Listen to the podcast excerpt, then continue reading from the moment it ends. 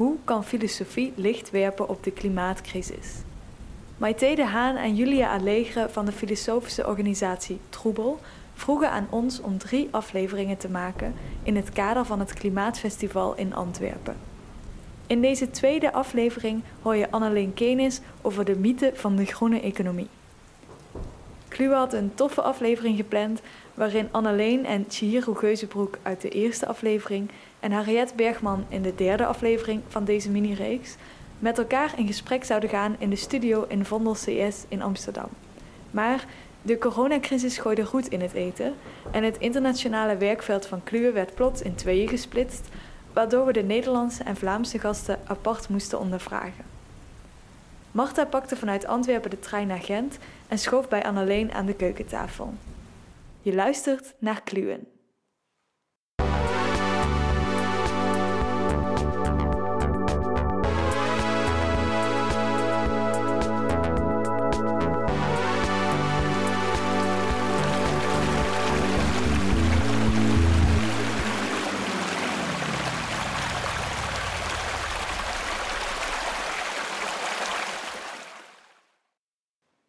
Steeds meer NGO's, bedrijven en politieke partijen vinden elkaar rond de slogan van de groene economie. Een bamboetandenborstel, herbruikbare rietjes en shampoobars zijn niet weg te denken uit de klimaatbewuste kast. Duurzaam consumeren wordt voorgesteld als de sleutel naar een groenere toekomst. Maar is dat wel zo? Anneleen Kenis wil die mythe weerleggen. Anneleen is als onderzoekster van het FWO verbonden aan het departement Aard- en Omgevingswetenschappen van de KU Leuven. Samen met Matthias Lievens schreef ze De mythe van de groene economie.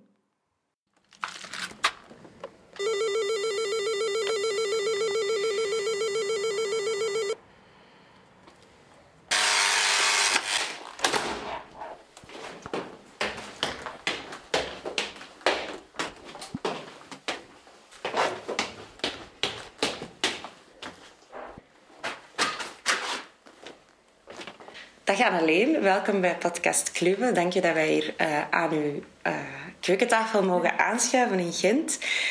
Um, er wordt tegenwoordig heel erg ingezet op dat groen consumeren. Enkele weken geleden, geleden las ik zelf in een, in een mainstream krant uh, nog een recensie van verschillende shampoo bars uh, die je dan tussen de 6,99 euro en de 14,99 euro of zoiets kan yeah. kopen. En de journalisten uh, had ze dan allemaal uitgetest. Yeah. Het idee dat je meewerkt aan een groene plan planeet door op een bepaalde manier te consumeren, wordt heel erg in de kijker gezet. Yeah. Um, Klopt dat idee volgens jou? Onze boeken noemden inderdaad de mythe van de groene economie. En daar willen we eigenlijk um, al die ficties waarop het idee van de groene economie gebaseerd is, ja, willen we in vraag stellen. Mm -hmm. Willen we ergens um, daar um, kanttekening bij plaatsen. Dus wij geloven, en als ik hierover wij heb, dan heb ik het over mezelf en Matthias Lievens, die mijn co-auteur was op dat moment van het boek. Wij geloven niet in het idee dat je bijvoorbeeld klimaatverandering kan tegengaan door um, ja, het, een soort van illusie van een groene economie. En dan de groene economie bedoelen we een groen kapitalisme. Of een um, groen kapitalistische economie. Je hebt natuurlijk mensen die met de groene economie iets heel anders bedoelen, die eigenlijk een totaal andere economie beginnen. Dat is een, dat is een ander verhaal. Maar ja. de groene economie zoals die vandaag bijvoorbeeld naar voren wordt geschoven, door Europa, door de Groene Partij, daar denken we dat die heel erg op een aantal ficties gebaseerd is. En we stellen dus vragen bij dat duurzaam consumeren, maar ook bijvoorbeeld bij het emissiehandelssysteem, bij CO2-taxen, hoewel we daar ook in zekere opzicht voor zijn. Mm -hmm. Maar dus eigenlijk, we denken dat er bij die logica, dat je daar eigenlijk heel veel... Um, ja, vraagtekens ja. kunt zetten of dat ons effectief gaat helpen om die klimaatverandering tegen te gaan. Ik gebruik hier klimaatverandering als het type voorbeeld van de, het ecologische probleem waar we vandaag voor staan, maar zijn uiteraard ook andere ja. ecologische problemen. En natuurlijk in de mate dat we op die manier in slagen om dat tegen te gaan, wat daar de um, consequenties van zijn, wie, wie daar de prijs van gaat betalen, mm -hmm. of wat de effecten zijn op het vlak van de sociale rechtvaardigheid enzovoort. Ja, want dus, in het, de ondertitel van jullie boek begint met het woord uh, valstrik. Ja. Dus valstrik, verzet, alternatieven. Ja. Um, uh, kan je iets zeggen over wat je dan bedoelt met die valstrik? Uh, ja, dus wij denken dat de groene economie alleen op de groene kapitalistische economie fundamenteel gebaseerd is op ficties, op illusies. Uh, heel vaak, dat wil niet zeggen dat iedereen, dus er is zeker een grote groep mensen die oprecht gelooft dat we er op die manier gaan komen. Maar daarnaast is er ook een grote groep mensen die dat heel strategisch mhm. inzet. En we moeten ons daar bewust van zijn.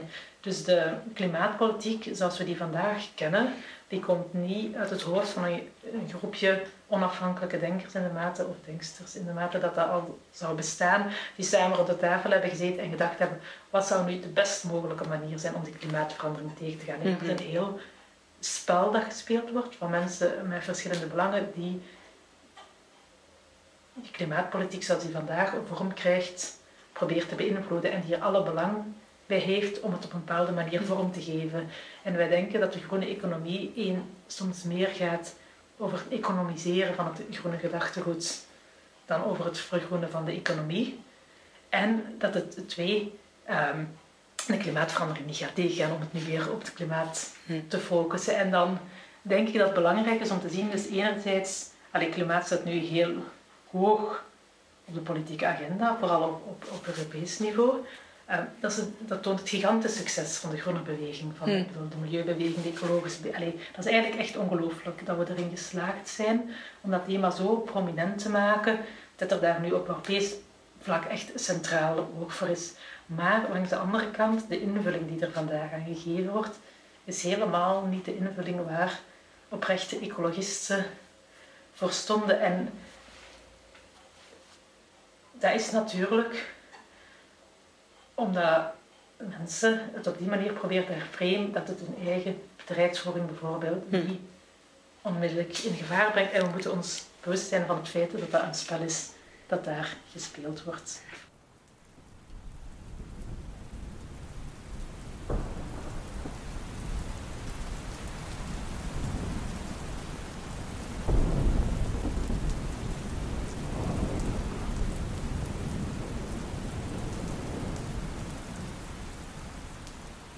Zich kunt je over het kapitalisme veel zeggen, maar een van de cruciale elementen vanuit ecologisch oogpunt is natuurlijk dat de kapitalistische economie gebaseerd is op, dat is een groeieconomie, dus dat is een economie die moet groeien om stabiel te zijn, om in evenwicht te blijven.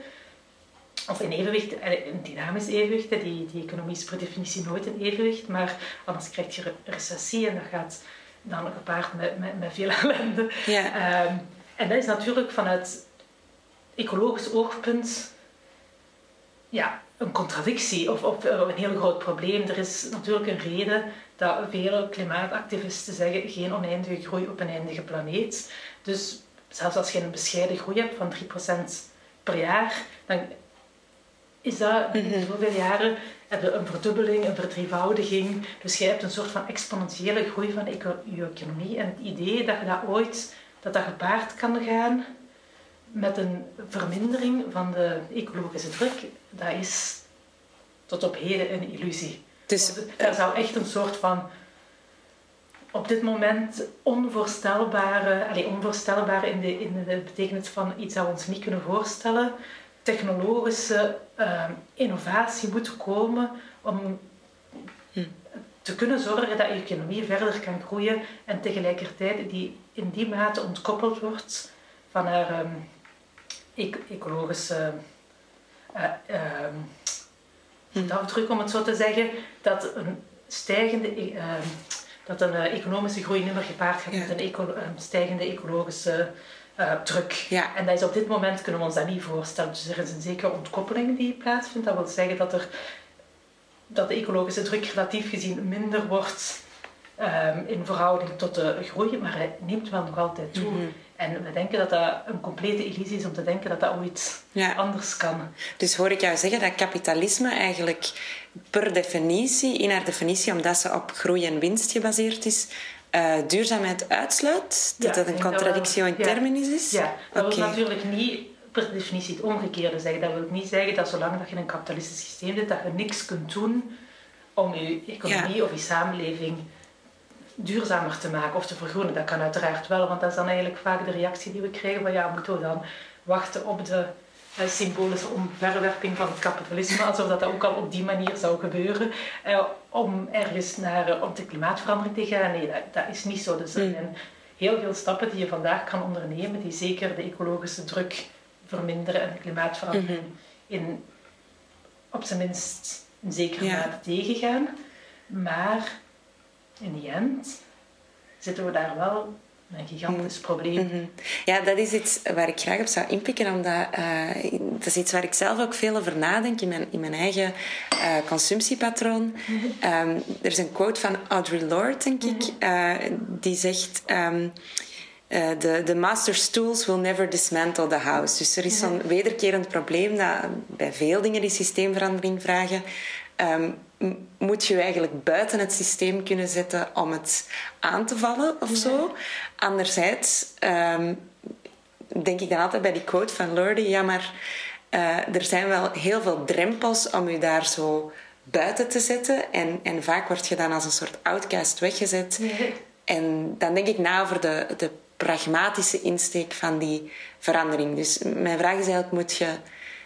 Um, als consument nu binnen het systeem een soort weg vinden om het van binnenuit te veranderen? Of pleiten jullie echt voor een, een zet u er buiten en, en val het van buitenaf aan? Ja. Uh, op zich zit er natuurlijk heel veel in je vraag, hè, zoals ja. je nu stelt. Maar ik denk, als ik over die quote nadenk, dan denk ik dat de, de groene economie, zoals wij die bekritiseren, is een heel goed voorbeeld van eigenlijk het niet toepassen van die quote. In die zin dat, um, en ik denk dat nog meer dan duurzame consumptie, emissiehandel daar een goed voorbeeld van is. Want dat is eigenlijk, dus in de mate dat je de analyse maakt dat klimaatverandering uh, het gevolg is van een um, marktgebaseerde groeieconomie, dan ga je bij emissiehandel eigenlijk nog een veel groter deel van, uh, van het leven aan die markt onderwerpen, omdat je ook op CO2 bijvoorbeeld een prijs gaat zetten. Dus je gaat eigenlijk de vermarkting uitbreiden in plaats van hem in te dringen. Ja. En in die zin is dat eigenlijk een goed voorbeeld van hoe dat je eigenlijk datgene dat het probleem veroorzaakt heeft, gaat proberen te benutten om het probleem op te lossen. Mm Wij denken dat er daar inderdaad hele grote limieten op zijn, of dat dat, eigenlijk, dat, dat, niet, allee, dat dat probleem in zekere zin vergroot in plaats van te verkleinen. Um, om dan terug te gaan naar, naar duurzame consumptie. Dus ik denk dat het belangrijk is om een verschil te maken er is een verschil tussen bijvoorbeeld duurzame consumptie en levensstijlverandering. Duurzame consumptie gaat eigenlijk echt uit. Uh, dan ziet je jezelf als consument en probeert je via je keuzes in de supermarkt als het ware, je, je aankoopgedrag, probeert je het, uh, het systeem te beïnvloeden. Zwaar de shampoobars ja, uh, invloed op doen. Dat je in het begin gaf. En dat is natuurlijk in beperkte mate mogelijk. Dus de, en dat is ook belangrijk dat je dat doet. Dus uiteraard bedrijven die willen hun, goederen verkopen. En als die zien dat er een groter aandeel van mensen geïnteresseerd is, is inderdaad uh, ecologische, ecologische zeep of ecologisch shampoo, dan gaat de markt aan, aan, ecologische zeepen uitbreiden en dat is alleen maar een goede zaak. Dus ik mhm. zou zeker niet zeggen dat dat, dat slecht is, integendeel. Hoe meer mensen dat doen, hoe beter. Maar er zijn het, is heel beperkt. Mm. En het blijft een markt natuurlijk. Die, die shampoo kost mij 15 euro als consument. Ja, dat lijkt mij nu niet het grootste probleem. Mm. Het grootste probleem dus dat is een deel van het probleem, omdat je in die zin kunt zeggen van ja, dat is eigenlijk een strategie die enkel weggelegd is voor een bepaalde groep van mensen, namelijk mensen die de koopkracht hebben om dat soort van keuzes te maken. En dat is, en dat is een reëel probleem, want dat wil eigenlijk zeggen, wie, wie heeft er ergens een soort van uh, macht om zaken te veranderen. De meest koopkrachtige consumenten. En dan gaat heel die groep mensen mhm. Die niet die koopkracht heeft om dat soort van ecologische keuzes, ecologische consumptiekeuzes te maken, uitsluiten van uw veranderingsproces. Terwijl dat dan misschien de, meest, de interessantste groep is. En zelfs, echt de maatschappij ja. wordt veranderd. Dus dat is een groot probleem. Je zou zelfs kunnen zeggen dat als je van die strategie uitgaat, dat het erop aankomt om de rijkste consumenten te overtuigen, omdat die het meest geld hebben en dus bij een aankoopgedrag het meest invloed kunnen uitoefenen. Dus je krijgt daar eigenlijk een heel, hmm. heel vreemde logica. Maar ik denk dat er grotere problemen zijn dan dat. Namelijk dat je op die manier gereduceerd wordt tot consument en dat de essentie van het hele systeem niet, dat je daar niet aan raakt. Nu, ik vind dat iets anders.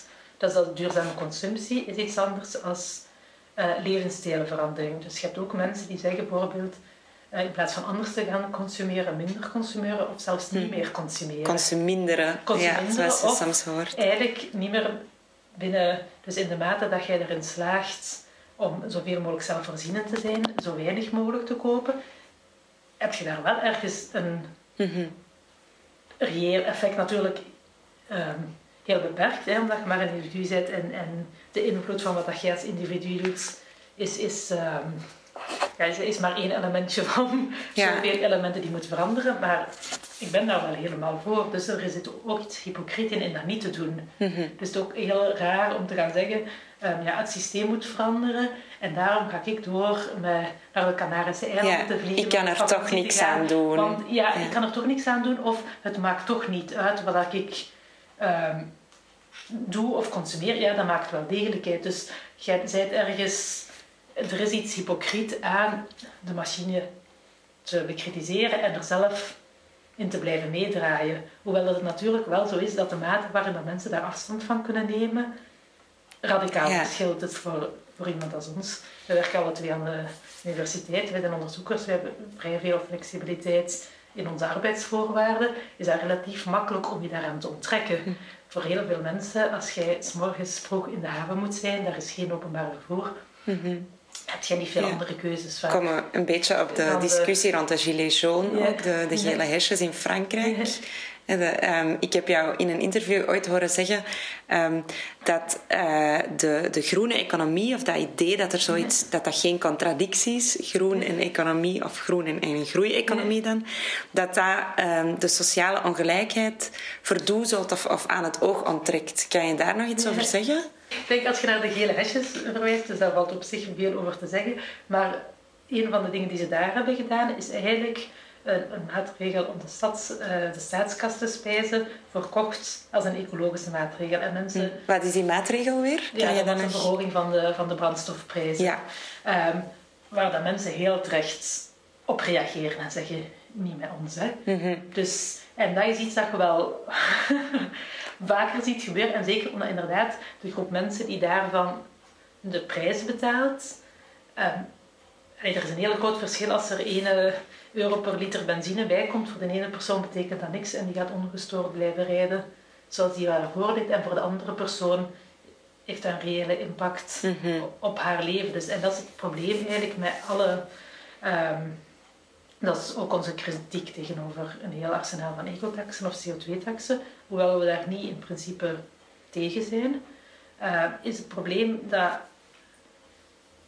omdat de lonen zo ongelijk zijn vandaag, of, of, of, of, of niet enkel de lonen, maar ook ja, de financiële mogelijkheden die mensen hebben zo ongelijk zijn vandaag, treft dit natuurlijk de groep die het minst bemiddeld is Ja. het meest. En dat is niet de groep die het meest verantwoordelijk is voor de klimaatverandering. Dus als, als we zeggen van de vraag is van wie gaat de rekening betalen, dit wentelt de kosten van de transitie af op de groep die er eigenlijk het minst Mhm. verantwoordelijk voor is en het minst Mhm. mogelijkheden heeft om er iets aan te doen. Omdat dat de mensen zijn die het meest vastzitten in het systeem, zoals dat er vandaag is, bijvoorbeeld in een, in een maatschappelijk model dat gebaseerd is op individueel autoverkeer.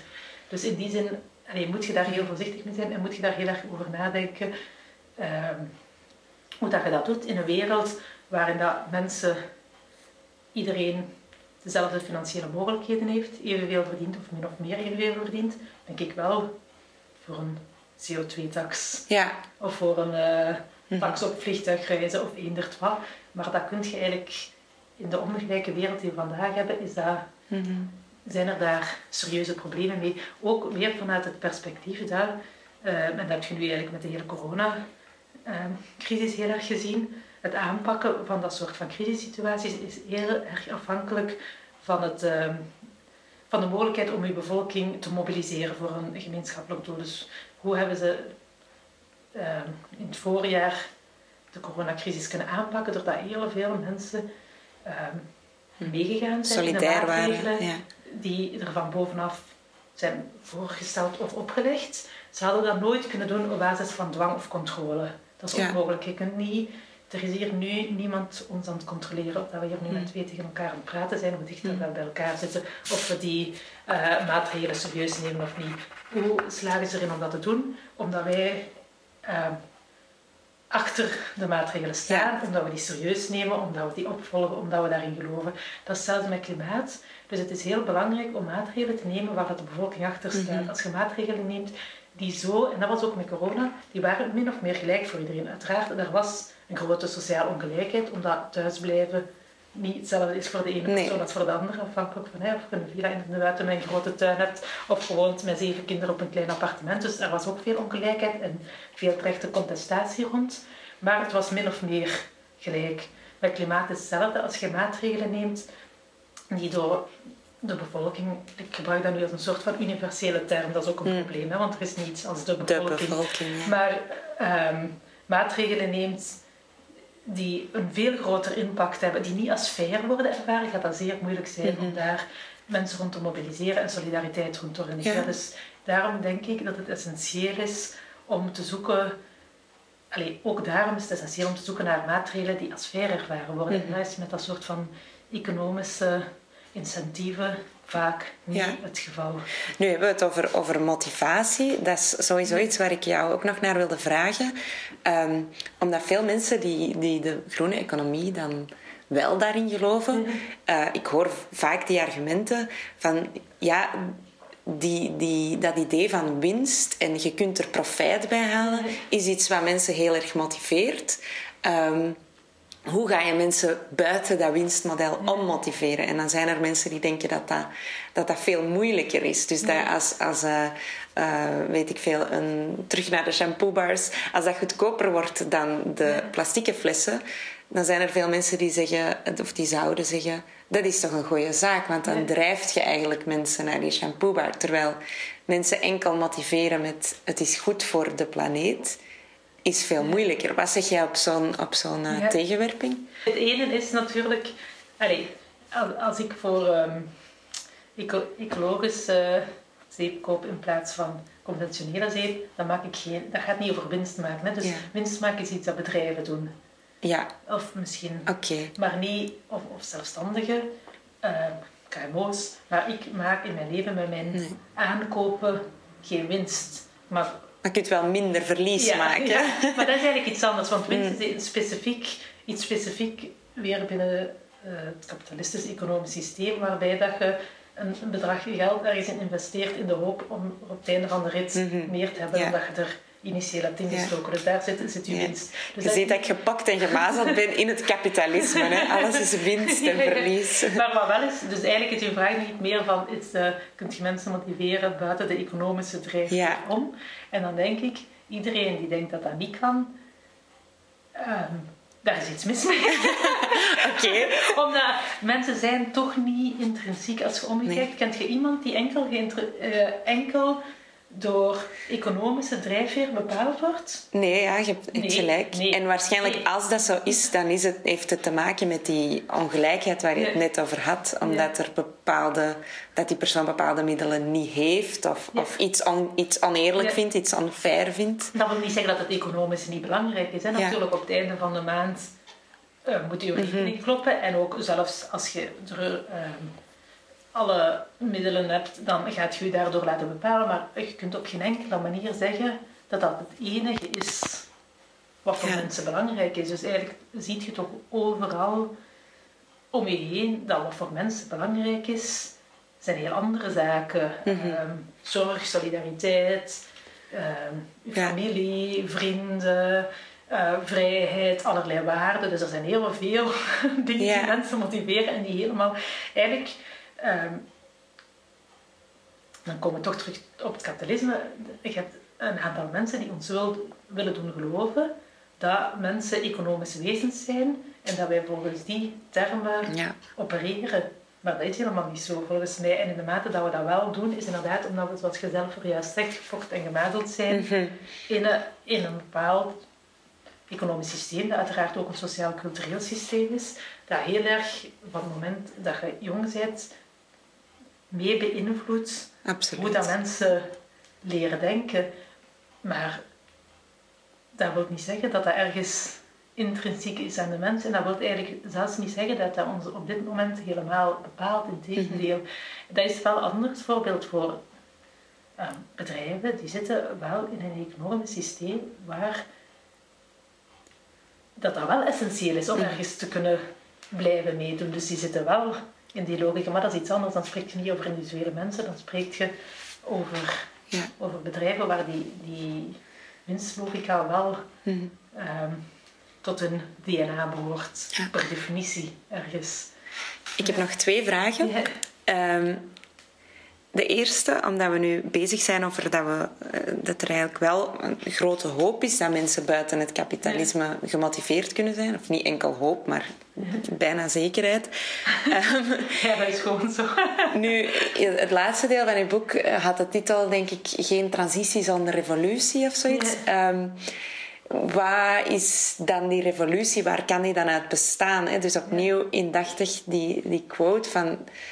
Ja, we moeten eruit, maar kun je er zomaar uitstappen uit dat kapitalisme? Wat houdt die revolutie dan in? Wat is een ander mogelijk wereldbeeld? Of Ehm, weer ja. veel vragen samengepunt? Met, met geen transitie zonder revolutie bedoelden we eigenlijk nog iets anders. We bedoelden dat er eigenlijk geen, geen transitie mogelijk is zonder het conflict aan te gaan. Hmm. Want dat is eigenlijk een ander element van ehm,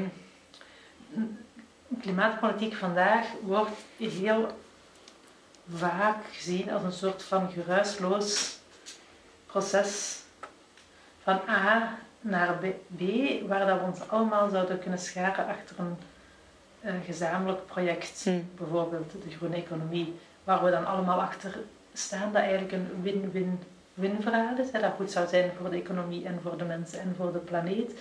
En dat bedrijfsleiders, ehm, burgers, vakbonden, een hele groep andere eh, organisaties en groeperingen zich allemaal gezamenlijk in zouden kunnen vinden en dat we op die manier die, de klimaatverandering zouden kunnen tegengaan. En dat is iets waar ik niet in geloof. Dus Hm. ik ben ervan overtuigd, ten eerste dat de groene economie, dat is, dat is maar, maar één manier om de maatschappij te veranderen en één waar dat ik niet in geloof. En we gaan dus daar helaas het conflict rond moeten aangaan.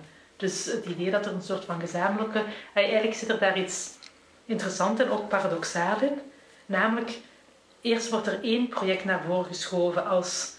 Dit is het model om die verandering te realiseren. En dan wordt er gezegd, en we moeten het daar nu allemaal mee eens zijn. En iedereen die daar kritiek op heeft, goh, die is toch wel niet constructief, want zo gaan we er niet komen. Maar het is wel een project dat een bepaalde groep heel erg ten goede komt. Ja. Namelijk een bepaalde groep van, ehm, van ja, machtige bedrijven in zeker opzicht, die eigenlijk vooral ehm, die klimaatverandering willen proberen tegen te gaan, of misschien zelfs niet, die eigenlijk vooral willen zorgen dat ze niks fundamenteel moeten veranderen. Dus je ziet dat nu ook op Europees vlak, er is een enorme lobby ehm, van grote bedrijven, ook fossiele brandstofbedrijven, Mm. over wat die groene deal op Europees Ja. vlak moet inhouden, waarbij het vooral voor hun erom gaat om zo weinig mogelijk tot niets in hun essentiële bedrijfsvoering te moeten veranderen en zeker niet in de komende 10 of 20 jaar.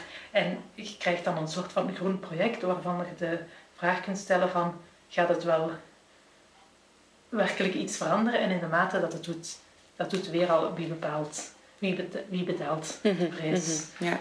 Misschien. Ik vraag me dan gewoon af, inderdaad ook voor de luisteraar, wat, wat, is dan de concrete, ehm, eh, de, de andere weg die je zou kunnen zien, dus buiten het kapitalisme, om hoe Ja. kunnen we ons dan organiseren? Maar zoals ik in het begin heb gezegd, dus ik denk dat er een soort van ehm, niet zo gelukkige tweedeling wordt gemaakt tussen ofwel werk je binnen het systeem en binnen het kapitalisme en probeert je dat ergens ehm, Ja. te vergroenen. Hè, en dan probeert je marktmechanismen in te zetten om, om je economie te vergroenen of je stapt buiten Eruit. dat systeem en dan... Dus ik denk, allez, dus we leven in het systeem, dus we gaan sowieso ergens van daaruit moeten vertrekken. Of het dan van binnen of daarbuiten is, dat vind ik een beetje een artificiële discussie.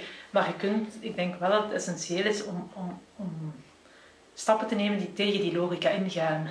Dus bijvoorbeeld, wat zagen we nu? ehm, dus eigenlijk weer al de coronacrisis was heel interessant, omdat je direct een reductie zag in de uitstoot van broeikasgassen. De econo- economieën ehm, worden in zeker opzicht Hm. platgelegd en je ziet direct dat er daar een ecologisch effect is.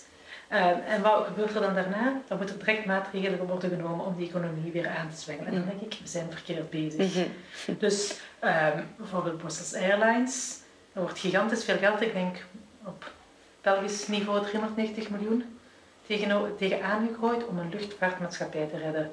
Dan denk ik, ja, Ja. dit is compleet absurd. Dus als je de klimaatverandering serieus neemt, als je je groene deal op eh, Europees vlak serieus neemt, dan gaat je nu geen geld steken in het redden van een luchtvaartmaatschappij. Ook niet onder bepaalde groene voorwaarden die eigenlijk toch, ehm, denk ik, vooral heel veel illusies creëren. Het idee dat een, een luchtvaartmaatschappij ooit groen kan zijn. Kan dat er zijn, ja. zoiets zou bestaan als groene brandstoffen die er nog niet zijn en die ook heel veel, eh, in de mate dat ze er zijn, heel veel neveneffecten, ecologische en sociale neveneffecten op andere terreinen hebben. Dus het eerste wat je moet doen is natuurlijk zorgen dat je geen subsidies meer geeft aan de fossiele brandstofindustrie. Mhm. En zullen we er dan mee eh, eh, moeten leren leven, zeg maar? Dat we, ehm, dat we veel meer gaan moeten betalen voor vliegen of überhaupt minder gaan moeten Ja, vliegen? Is dat dan een gevolg? per definitie veel minder moeten vliegen. Dus ik denk dat, Ja. dat, dat er daar geen twijfel Ja, over dus dat consuminderen, dat, dat is nu een beetje een marketingterm, maar dat is sowieso ook iets wat die revolutie zal moeten omvatten. Ja, het minder dat- willen, minder... Ja, of minder willen. Of, allee, dus daar wordt dat dan weer gereduceerd tot een soort van individuele keuze die ik maak. Maar wat ik weer al interessant vond aan de hele coronacrisis, is dat dat niet dat wat een individuele keuze zou kunnen zijn, wordt een collectieve keuze. Dus het is heel anders om te zeggen, ik maak individuele keuze om dit jaar niet naar de Canarische eilanden te vliegen voor mijn vakantie. Ehm, of collectief beslissen we dat we de luchtvaartmaatschappij niet gaan redden. Mhm. Dus dat, er, dat die drastisch teruggeschroefd moeten worden tot pakweg 5% Ja. van wat ze daarvoor waren. Ik wil niet zeggen dat er nooit niet meer gevlogen kan worden. Er kunnen goede redenen zijn om dat te doen. Mensen die familie aan de andere kant van de wereld hebben of zo. Mhm. Dus ik ga niet zeggen dat mensen die nooit niet meer mogen zien. Maar het aantal vluchten moet drastisch, Ja. teruggeschroefd worden. Maar als je daar collectief voor kiest als maatschappij, is dat een totaal ander verhaal dan als dat... Hm. Ik is die die keuze maken en ik zie ondertussen op Facebook iedereen pronken met zijn mooie vliegvakanties. En Ja. dan heb je die verhouding daar. Of ik moet u overtuigen en jij moet dan weer iemand overtuigen. Dat is een totaal ander verhaal dan collectief voor hetzelfde kiezen. Hm. Hetzelfde bijvoorbeeld, ehm, ja, Groen zit nu in de, in de federale regering. Op zich, allee, dus het is goed dat ze voor de, voor de kernuitstap zijn. Iets waar ik meer twijfels bij heb, is, is het feit dat ze zeggen van tegen 2026 is het denk ik, moeten alle bedrijfswagens elektrisch zijn. Maar je blijft wel Bedrijfswagens. wagens Ja. subsidiëren. Dus daar Ja. moet je mee ophouden, Mhm. elektrisch of niet. Hm. Een wagen is nooit gewoon de enige groene wagen is een fiets. Dus je moet niet... Dat is een mooie quote. De enige groene wagen is een fiets. Ja, of misschien zelfs Ja. voet gaan. De benenwagen. Ja, ja, dus, dus daar is... Dus dat is niet, het is niet dat een, ecolo, dat een elektrische wagen, Mhm. dat er daar een soort... Dat daar, want er staat er, staat er in sommige krantenberichten zelfs emissievrije wagens. Mm. Maar die wagens Dat zijn helemaal niet emissievrij. Dus enerzijds de productie van die wagen zorgt voor een enorme uitstoot Mm. van broeikasgassen, een enorme hoeveelheid materialen nodig. En bovendien moet die elektriciteit ergens geproduceerd Mm. worden. En we slagen er nog niet in om de elektriciteit die we vandaag Ja. verbruiken als land, om die op een ecologische, hernieuwbare wijze te produceren. Laat staan als daar nog een heel arsenaal aan extra, een hele Mm. hoeveelheid elektriciteit bij komt, die we nodig hebben om die elektrische wagens te laten rijden. Mm. Dus dan zijt je al bij al nog steeds subsidies aan het steken Ja. in iets dat fundamenteel onecologisch is. En als, in die zin zeg ik zo de discussie van, ja, moeten we binnen het kapitalisme of buiten het kapitalisme opereren? Is er een, eh, een strategie tegen de klimaatverandering mogelijk binnen het kapitalisme? Dus ik denk dat dat eigenlijk wel een abstracte discussie is voor mensen die daar wel een keer theoretisch of filosofisch over willen nadenken. En dan sta ik zeker aan de kant van de mensen die zeggen, ja, in die end dat kapitalisme fundamenteel met een sociaal-ecologische, sociaal gelijke ecologische maatschappij. Maar als je gewoon hier en nu kijkt, gaat dat heel concreet over welke maatregelen worden er genomen.